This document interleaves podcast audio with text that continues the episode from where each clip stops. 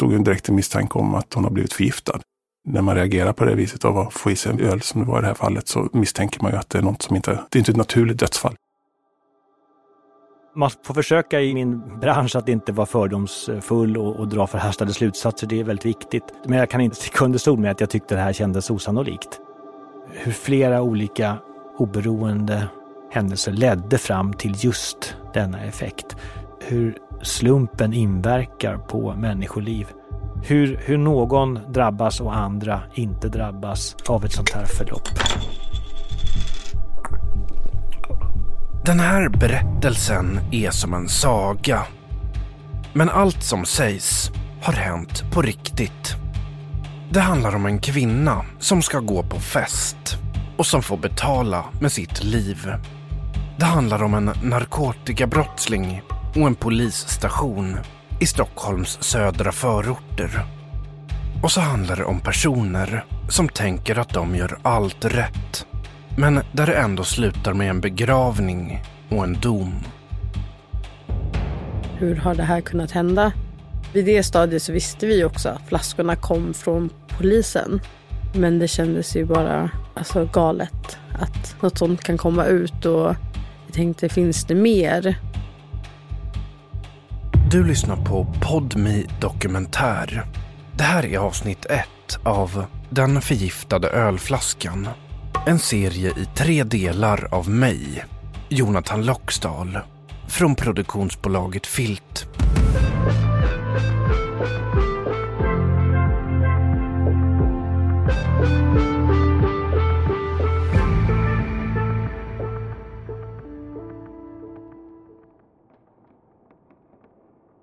Vi valde en kista som var bara i trä, utan färg, utan lack. Och så köpte vi massa färgpennor. Så alla som var där och sa hejdå fick skriva meddelanden på hennes kista. Vilket är någonting vi vet hade varit liksom otroligt uppskattat utav henne. Det var väldigt mycket hennes grej. Det är höst, år 2020. Längst fram i en kyrka ligger en kista. Och i kistan ligger 31-åriga Nastasja. Hon är tvåbarnsmamma, snart färdigutbildad sjuksköterska. För inte så länge sedan gick hon på fest med en kompis. Men det skulle bli det sista hon gjorde i sitt liv. Vad var det egentligen som hände? Och hur kunde det sluta så här? Utanpå kistan har Nastasjas anhöriga skrivit sina sista hälsningar i olika färger. Att de valt att smycka ut den så handlar om en händelse i barndomen. Det berättar Nicky, Nastasjas syster. Så flyttade vi utomlands i två år till Nya Zeeland. Och när hon sa hej då till sina vänner så hade de då med någon så här penna, permanent penna skrivit eh, på en så här lyktstolpe utanför där vi bodde fyllt den med hejdå-meddelanden eh, till henne. Som även nu finns kvar om man går dit. Så det blev väl lite att vi tog det och gjorde lite samma igen. Eh, att man fick skriva hejdå till henne. Och kistan var jättefin efter, jättecool. Eh, så det tyckte jag var ascoolt. Det är inte bara en syster som ligger i kistan, utan också en vän. Nicky och Nastasha har alltid varit nära varandra. Hon liksom alltid har varit um, i centrum. Det liksom faller väldigt lätt för henne att bara liksom prata med alla och folk har lätt att prata med henne och hon är rolig och hon är liksom bubblig och glad och bara helt eh, enkelt lätt. Eh, så jag tror att väldigt många liksom fastnar för det. Och det blev väldigt lätt för mig när jag började i skolor efter henne att eh, liksom få kompisar och vara väldigt omtyckt för att jag var lilla syster till Nastasja. Och Nastasja, hon har alltid varit den som vågat lite mer. Som när hon och Nicky skulle hoppa bungee jump. Och eh, hon liksom bara hoppade ut, inga problem. Hur liksom kul som helst. Och sen så att hon stod där nere liksom och eh, ropade på mig och hejade på mig. Men jag tyckte att det var hur läskigt som helst liksom. Nastasja borde inte ligga i en kista. Hon borde vara hos sina två döttrar. Eller kanske på väg till skolan. Men nu är det som det är. I den här märkliga historien, där det ska dröja länge innan svaren kommer fram, har Nastasja fått sätta livet till. Och det hela börjar en sensommarkväll i ett sovrum i Brandbergen strax innan en hemmafest. Jag satt i sängen äh, medan hon stod typ framför spegeln och skulle fixa håret och sådär. Och vi bara hängde lite, vilket var liksom väldigt vanligt att vi gjorde så. Det är den 28 augusti år 2020. Nicky har besök av Nastasja. Hon hade antingen jobbat eller så hade hon varit i skolan den dagen. Så jag vet att hon kände lite stress för att hon var lite sen med att träffa hennes kompis. Men hon var glad och hon var taggad och hon berättade lite om den här festen. Hon älskade att vara social, så att gå på fest eller någon sorts tillställning var ju hennes grej. Ehm, jag förstod aldrig hur hon fick ihop det. Nastasja är 31 år gammal. Hon är mamma till två döttrar på 7 och 9 år. Hon är snart klar med sin utbildning till sjuksköterska. Ett späckat liv, men ett liv på väg åt ett bra håll. Hon har alltid liksom inte riktigt vetat vad hon ville göra. Så nu hade hon typ äntligen hittat det. Och det var jättekul. Och just vid den här tiden, den här kvällen, är Nastasja lite extra upprymd. För Nicky har nyligen kommit med nyheter till henne. Berättat för henne att jag var gravid. Och hon var ju så glad över det. För att hon skulle äntligen få bli moster. Vilket hon har tjatat om i hur länge som helst. Brandbergen, där Nicky och Nastasja bor och där festen ska vara, byggdes under miljonprogrammet och domineras av stora lägenhetshus insprängda bland skog. Det ligger i Haninge, söder om Stockholm. En kommun med 93 000 invånare. Inte jättestort, men tillräckligt för att funka som ett eget samhälle. Här finns skärgårdsöar, tre gymnasieskolor, en brandstation och en polisstation. Och det är här allt ska utspela sig. Det har blivit dags för Nastasja att sticka iväg till festen. En kort promenad bort. Hon tar farväl av Nicky för att möta upp sin killkompis som hon ska dit med. Det är en person som hon inte känt speciellt länge. De är inte nära vänner. Men nu ska de ändå på fest. Hon brukade alltid säga pussgumman. Det var liksom hennes grej. Både till mig och till vår lilla syster. Och även till sina barn sa hon så också. Det var väl någonting sånt liksom innan hon snabbt flög iväg.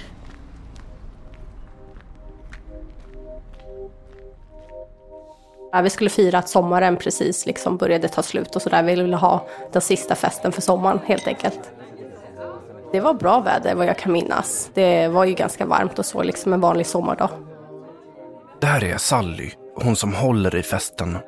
Hon har planerat tillställningen i någon månad. Det ska bli en ganska lugn kväll, här i lägenheten i Brandbergen. Jag skulle väl säga runt nio kom väl de allra första och sen runt tio, elva började väl resten rulla in liksom. Nastasja anländer till festen med sin killkompis. Sally har aldrig mött henne tidigare, men får ett bra intryck. Och hon var jättetrevlig och sådär. Så att det kändes ju nästan som att man kände henne efter den kvällen. Nastasja vill ha något att dricka och kompisen bjuder henne på en öl som han har med sig. En brun glasflaska av det tyska märket Oettinger. Det är en exportöl från ett av Tysklands mest sålda märken. Nu rullar fler människor in på festen. Det blir tydligt för värdinnan att festen blivit något helt annat än vad hon tänkt sig. Bara mer och mer och mer och till slut så var hela lägenheten liksom packad med människor. 20 personer har blivit till 40, som har blivit till 60. Någon är där med en tatueringsmaskin. Med tiden börjar Sally känna att det har gått överstyr. Det kändes inte alls bra. Vi skulle ju bara vara bara vi och ha liksom en lugn kväll. Men det blev alldeles för mycket till slut för mig. Runt klockan ett så kände jag att nu får det vara nog. Jag vill inte ha en massa människor hemma hos mig som jag inte känner. Så uh, ungefär runt då så började jag och min syster och även Nastasha, vi började liksom säga till folk att avrunda och det får liksom räcka nu, nu får alla gå hem. Så blir det. De flesta rör på sig. Kvar är kanske tio personer. Nu sitter Nastasha och några andra ute på balkongen. Hon vill ha mer att dricka. Och hennes killkompis har en till öl av samma sort som han redan gett henne. En brun glasflaska. Om man granskar den med blicken ser den helt vanlig ut. Men det är som att det vilar en förbannelse över just den här ölflaskan. Den kommer skapa olycka, vart den än tar vägen. Den kommer leda till död, misstro och rättsprocesser. Och även de som redan har lämnat flaskan bakom sig kommer att beröras. Nastasha öppnar den och så tar hon en klunk. Sen så bara helt plötsligt så kommer hon inspringandes och spottar i, eh, i diskon i köket och skriker att någon har lagt någonting i min drink. Någonting är fel, men ingen fattar vad som hänt. Nastasha tycks tro att en kille på festen, en annan än den som hon kom hit med, har drogat henne. Och pekar på honom och säger du har lagt någonting i min drink. Eh, och vi alla undrar liksom så här, vad, vad är det som händer? Nastasha springer in på toaletten för att kräkas. De andra kan se hur Nastasha hyperventilerar och skakar. Och vi trodde först att hon kanske höll på att få en ångestattack, så vi försökte liksom lugna ner henne. Men allt eftersom så började hon bara skaka mer och mer tills det blev helt okontrollerat. Och då trodde vi att hon kanske höll på att få ett epilepsianfall. Sally hjälper till att lägga Nastasha ner på golvet. Hon ser hela tiden ut att må sämre och sämre. Hon la en eh, kudde under huvudet på henne och så för att hon inte skulle göra sig illa. Och efter det så bara eskalerade det liksom ännu mer. Det blev bara värre. Vi kunde se liksom hennes ögon rullade bakåt, hennes läppar blev blå och hon låg bara liksom på golvet och skakade. Jag ringde till ambulansen. Sen så när jag kom tillbaka så hade det blivit ännu värre. Då hade hon slutat andas. Ambulans anländer och med sig har de poliser. Man gör hjärt och lungräddning på Nastasha. De sprutade in sina adrenalin och liksom försökte få igång henne. Eh, Men det hände liksom ingenting. Hemmafesten har blivit en katastrofscen. Jag vet att hon slutade skaka till slut. Men hon var liksom inte medvetande. Nastasha körs till Södersjukhuset på Södermalm. Det handlar om att rädda liv. Vi visste ju att det var någonting i ölen för efter hon sa att du har lagt något i min öl så gick vi alla och liksom luktade på ölen och det luktade i princip rengöringsmedel. Så vi alla förstod ju att det var någonting fel på den här ölen så vi trodde väl det att det måste vara någon som har lagt någonting i hennes drink. Sally förhörs av polis utanför sin lägenhet. För nu, nu ska bostaden undersökas. Så uh, spärrade de av och vi fick liksom inte komma upp utan det var liksom en brottsplats nu så att uh, vi fick ta oss hem till min mamma så länge och alla fick gå därifrån. Nej, det kändes inte alls bra eftersom att liksom hela kvällen hade skakat om oss allihopa och sen så fick jag inte ens gå upp i mitt eget hem så kändes det jättehemskt. Ännu vet ingen vad som hänt. Att Nastasha druckit av en flaska som aldrig borde hamnat i någons hem. De föregående månaderna har den passerat en rad personer vars handlingar och val i slutändan lett fram till henne. Och när polisen nystar i tråden kommer spåren peka mot den egna myndigheten. Men än så länge kämpar Nastasha mot döden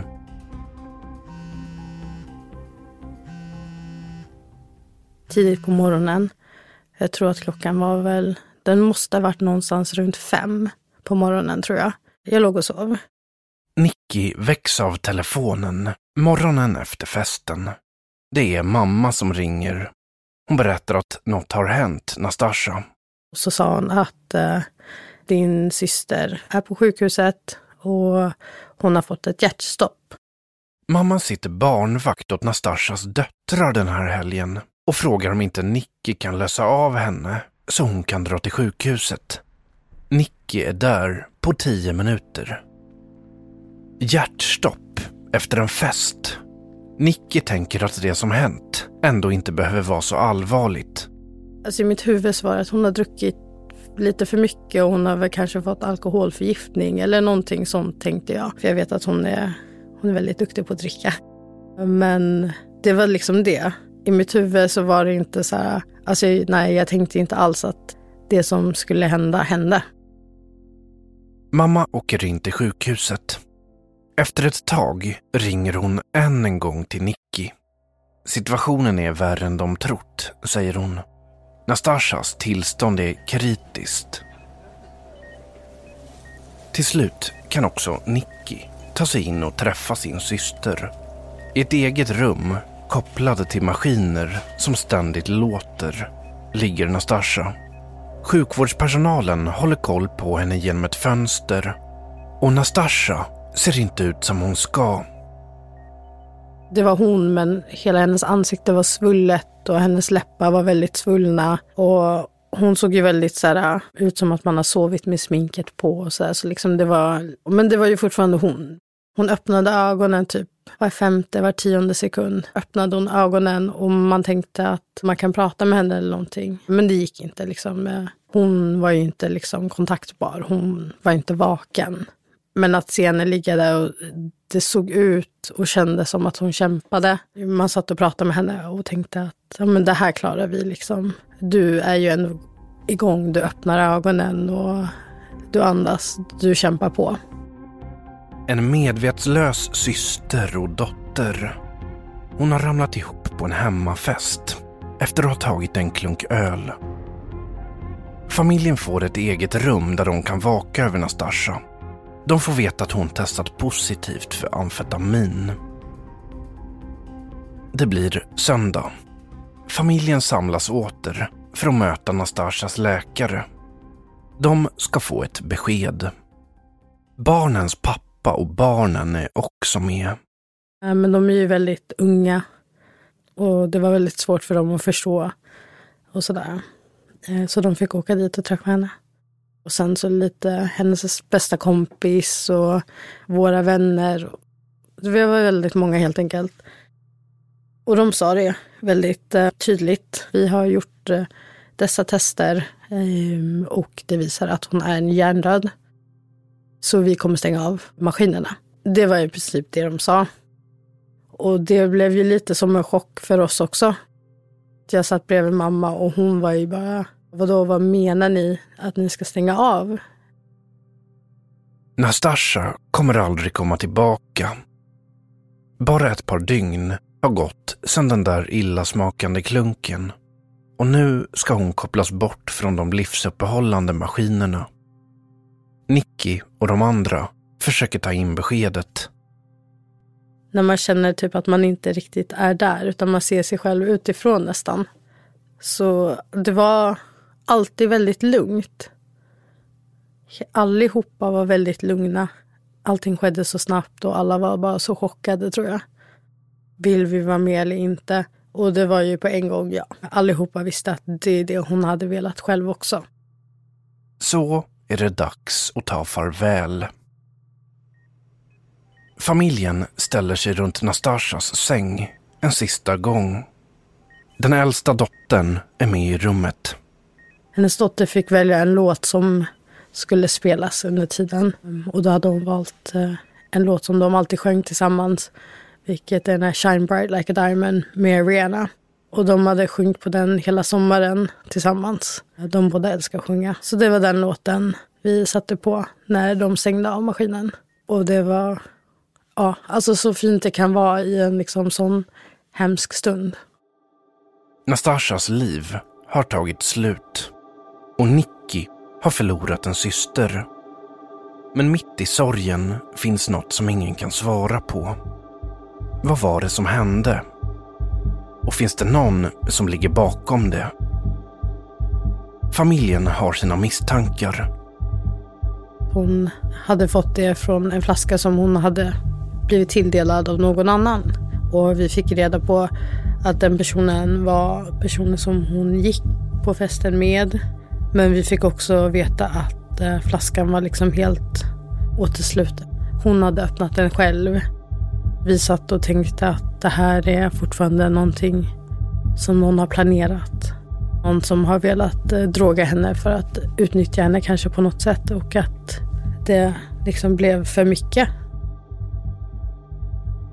Familjen får sörja utan att veta vad som hänt. Samtidigt börjar ett annat arbete ta form.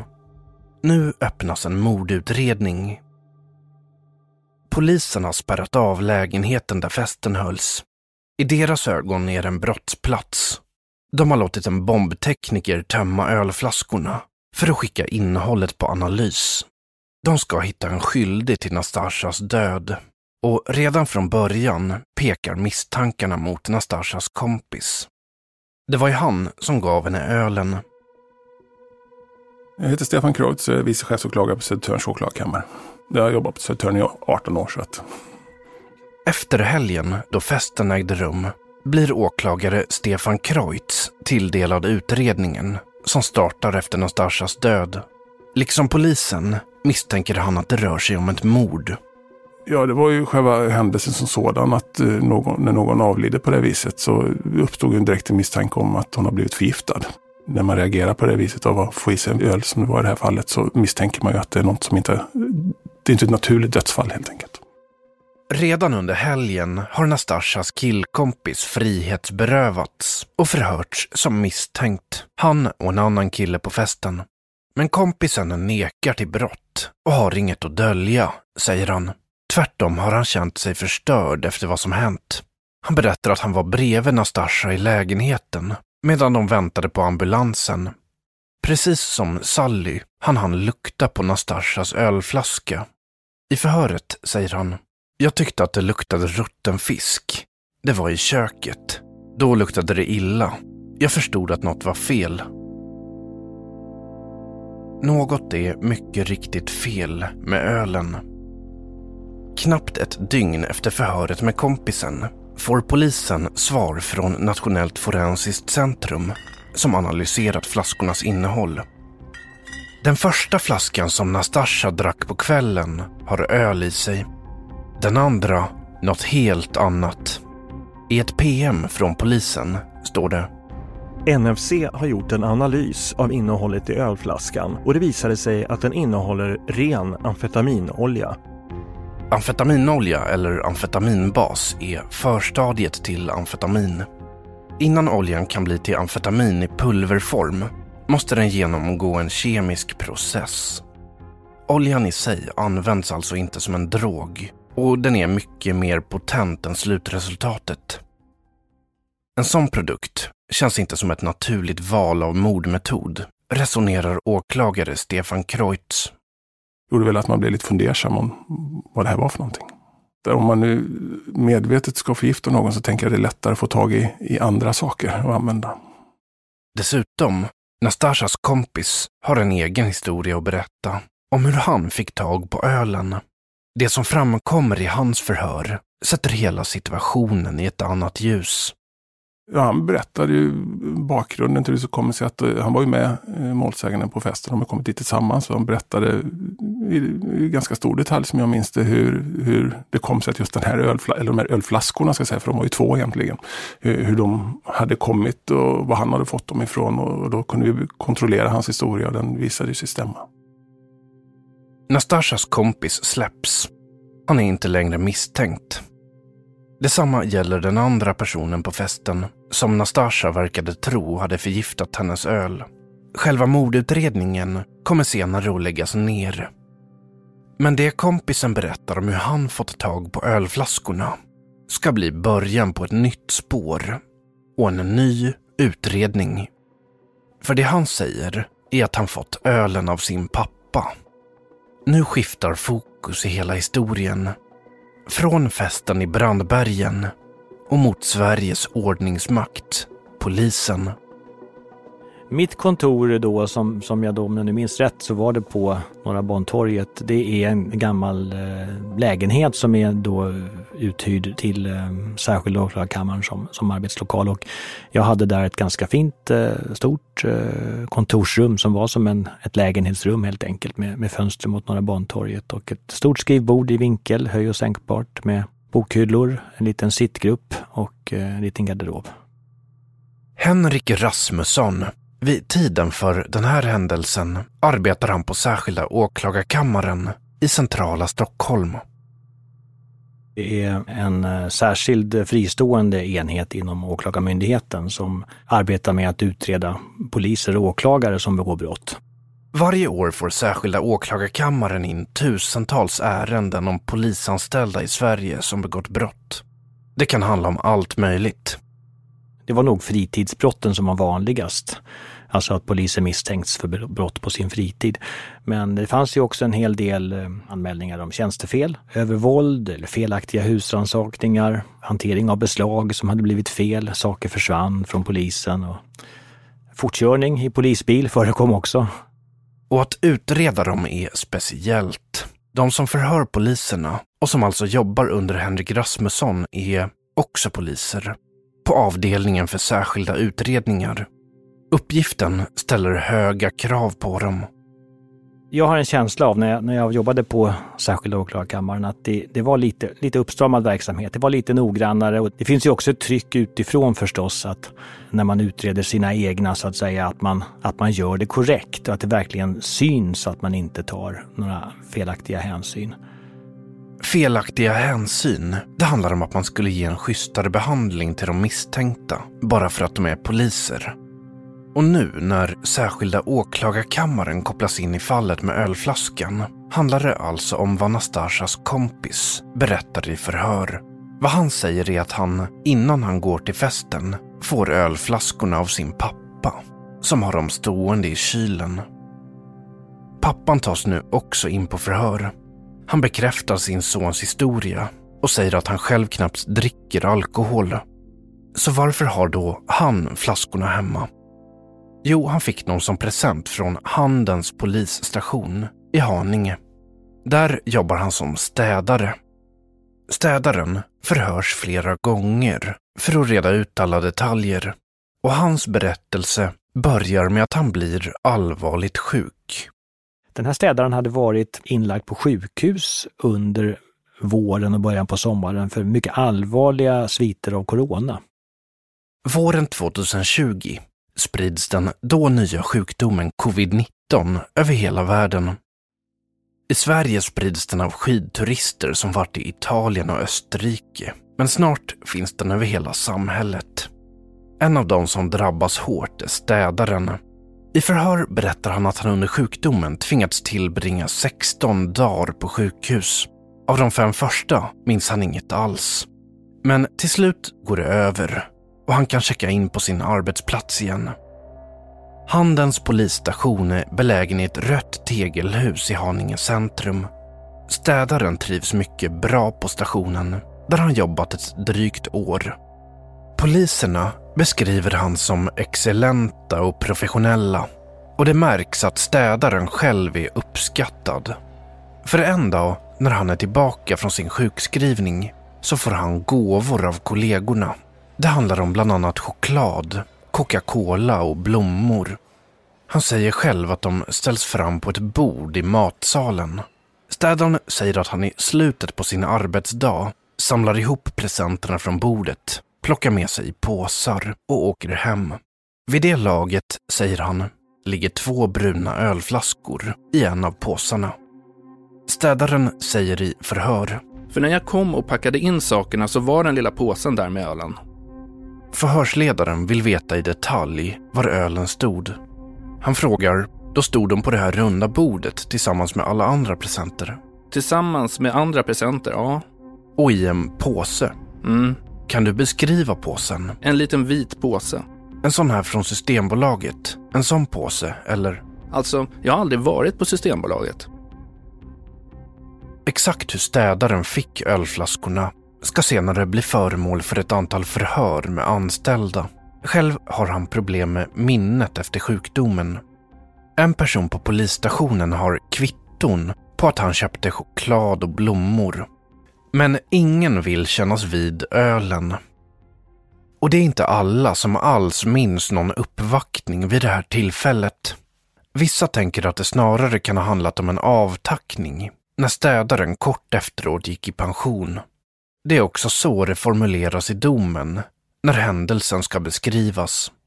Helt klart är att städaren får med sig flaskorna hem. Han säger i förhöret. Jag förvarade Coca-Colan i kylen och de små ölflaskorna tog jag ur påsen och la dem i kylen. Och där i kylskåpet står ölflaskorna i några månader innan städarens son en kväll ska på fest och vill ha med sig dricka.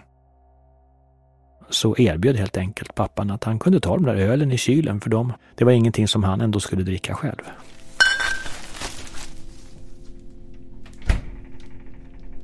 Och eh, då tog sonen de här flaskorna med sig till festen. När Henrik Rasmusson på särskilda åklagarkammaren först tar del av städarens berättelse så tänker han att det där låter för långsökt. Att en städare skulle råkat få med sig någon slags flaska med amfetaminolja hem från en polisstation och att det i slutändan skulle leda till en kvinnas plötsliga död får försöka i min bransch att inte vara fördomsfull och, och dra förhastade slutsatser. Det är väldigt viktigt. Men jag kan inte sticka under stol med att jag tyckte det här kändes osannolikt. Hur flera olika oberoende händelser ledde fram till just denna effekt. En andra tanke var att om det är så, så kan det här bli väldigt svårutrett. Det kan bli svårt. Eh, min erfarenhet av utredningar där saker försvinner från polisbeslag, vilket händer då och då, att att man undrar vad, vad, tog den där, vad tog det där beslaget av 500 kronor vägen eller vad tog den där nyckeln vägen som de påstår att polisen hade tagit hand om. Det, det händer då och då och det är väldigt svårutrett och det är svårt att gå till botten med och kunna bevisa sådana händelser. Det är min erfarenhet och därför var min reaktion först att det låter osannolikt och det kommer att vara svårt att leda i bevis. Nastashas syster Nicky, som tänkt att någon på festen förgiftat henne, får höra att utredningen kommit att fokusera på poliser. Det förvånar henne. Första reaktionen var ju bara verkligen så här, typ ännu mer chock. Typ så här, aha, okej, vad har polisen med det här att göra? Varför är det nu de som får skulden? Och det kändes bara galet. Man vill ju bara veta mer hela tiden. Men det är svårt när de inte kan berätta så mycket heller. Samtidigt är hon glad över att en utredning har startat. Det här liksom tas på allvar. Nu, nu liksom kommer vi få svar, tyckte vi. Nu kommer det, liksom någonting kommer komma fram. För att allting var ju bara så himla oklart hela tiden. Allting var bara liksom väldigt oklart för oss. Så det var skönt. Skönt kändes det som första känsla att det var en utredning på gång. Som anhörig vill hon veta exakt vad som har dödat hennes syster. Vi alla ville veta vad, vad är det som har hänt och jag tror att man ganska naturligt vill ha någon eller något att skylla på. Det var inte hon som hade liksom tagit drogerna och fått någon överdos eller så, utan det hade hänt henne. Och det var viktigt att veta varför, vad. Någon behöver ju åka fast för någonting. Hade du då kunnat ana vart spåren faktiskt skulle peka? Nej. Jag hade aldrig kunnat tänka mig att det som faktiskt eh, visat sig vara fallet nu då, är det som har hänt. Utredarna fortsätter att gräva vidare kring Handens polisstation. De kollar om det finns någon amfetaminolja registrerad på stationen. Kanske att poliserna där kan ha beslagtagit två flaskor från någon brottsling. Henrik Rasmusson på särskilda åklagarkammaren vill undersöka det. I början på den här utredningen så hade vi de här uppgifterna från personerna som hade förhörts eh, angående det här, eh, den här händelsen på festen. Och vi, jag ville gärna så här, hitta någon sorts anknytning till, eh, till en polisstation eh, och, och, ville då också gå från andra hållet så att säga. Att, att utreda om det, om det kan ha funnits något beslag eller något hittegods på någon polisstation som skulle kunna överensstämma med de här flaskorna som, som då innehöll amfetaminolja och öl. Så att vi började med att eh, undersöka i de register som polisen för över hittegods och beslag och försöka se om det, om det finns någon, något sådant beslag som kan stämma överens där det här kan ha kommit ifrån. Det kunde vi inte bekräfta med något, något diariefört beslag eller hittegods på polisstationen. Det fanns inga sådana uppgifter. Nej, ingen amfetaminolja finns registrerad på Handens polisstation. Men det betyder inte att det spåret är dött. För kanske finns det något liknande någon annanstans. Vid det här laget får utredningen ett tips. Kollegorna på polisstationen i Nacka, en annan kommun i södra Stockholm, har nyligen gjort ett större drogbeslag hos en privatperson. Det är information som nu blir högintressant. Det fanns ytterligare en utredning som hade koppling till mitt ärende. Och det var en utredning där man hade tagit ett större beslag av ölflaskor med amfetaminolja i, i Stockholms södra förorter. På två adresser förvarade den misstänkte gärningsmannen, som nu sitter inlåst, 18 liter amfetaminolja förpackat i ölflaskor. Det låter misstänkt likt. Kan det vara så att de här flaskorna kom från det beslaget i den utredningen? Att det är från, från en annan plats som de har läckt ut? Det, det var min första tanke. Det kunde vi sen kontrollera och bekräfta att inga flaskor hade försvunnit från, från det beslaget. Där vi kunde alla räknas in. Men det fanns ju en, en, känsla av att det fanns andra tänkbara sätt som flaskorna skulle kunna ha hamnat på festen. Utredarna bestämmer sig för att göra ett test. Kan man se om amfetaminoljan som Nastasja fick i sig är av samma sort som det stora beslaget hos Nackapolisen? Det är inte omöjligt. När man tillverkar amfetaminolja skapas också små mängder av olika biprodukter och föroreningar. De mängderna skiljer sig åt, vilket gör att varje tillverkningssats blir unik. Henrik Rasmussons utredning ber att Nationellt forensiskt centrum åter gör en analys. De ska jämföra flaskan från festen med det stora narkotikabeslaget från Nackapolisen. Den jämförelse man då gjorde visade på med mycket stor säkerhet att eh, de två flaskorna som var på festen, de kom från eh, samma, samma tillverkning om man säger så, eh, som flaskorna i narkotikaärendet. Så, amfetaminoljan identifierad till ett annat fall i en annan kommun. Utredningen har därmed tagit ett viktigt steg. Men det finns fortfarande ett stort hålrum i händelsekedjan. Hur hänger de två fallen ihop? Det stora beslaget står ju inlåst och där kan man konstatera att inte en enda flaska saknas. Ändå har två ölflaskor, varav en innehåller amfetaminolja av exakt samma sort, hamnat på Handens polisstation för att därifrån plockas med av en städare. Hur hamnade flaskorna på polisstationen från första början? Åklagare Henrik Rasmusson och polisens avdelning för särskilda utredningar ska gå till botten med den historien. Spåren kommer leda till en man som en dag vandrar in med två flaskor till polisen i Haninge med ett mycket tydligt syfte. Då sa de ju det att är det är från särskilda polisen, sa de. Då frågade jag direkt. Jaha, då var det mina flaskor som är upplämnade. Ja, tyvärr, sa de då. Vad tänkte du då? Fitta, fat, handgranat.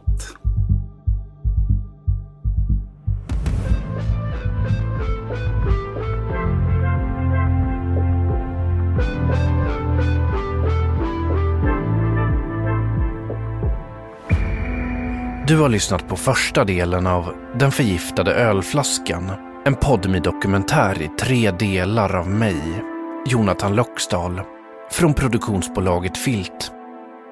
Vill du höra alla delar så kan du göra det redan nu hos Podmi. Gå in på podmi.com och starta en gratisperiod. Vissa personer har blivit tillfrågade om att medverka i dokumentären men tackat nej. Citaten från dem är hämtade från förhör och deras röster är utbytta. Producent var Chang Imam. Exekutiv producent hos Podmi. Emilia Melgar Arnheim. Tekniker Astrid Anka Krona.